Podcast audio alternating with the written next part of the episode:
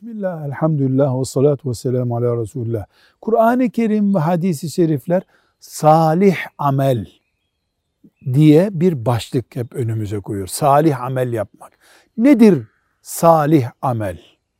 Bunun için uzun bir liste yapılabilir.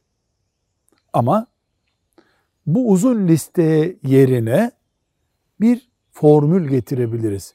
Mümin Müslüman insanın Allah'ın sevabını umarak yaptığı bütün ibadetler, ahlaki işler, insani işler salih ameldir. Bu insani işlerde evlilik de var, ticaret de var, ziraat de var. Oturup kardeşlerle, arkadaşlarla, akrabalarla bir çay muhabbeti yapmak da var.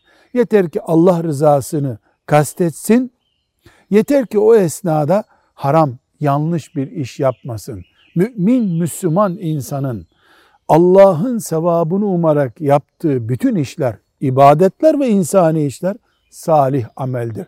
Ağaç dikmekten, bahçe sulamaktan, kediye yem vermeye varıncaya kadar bu hayata ait her iş.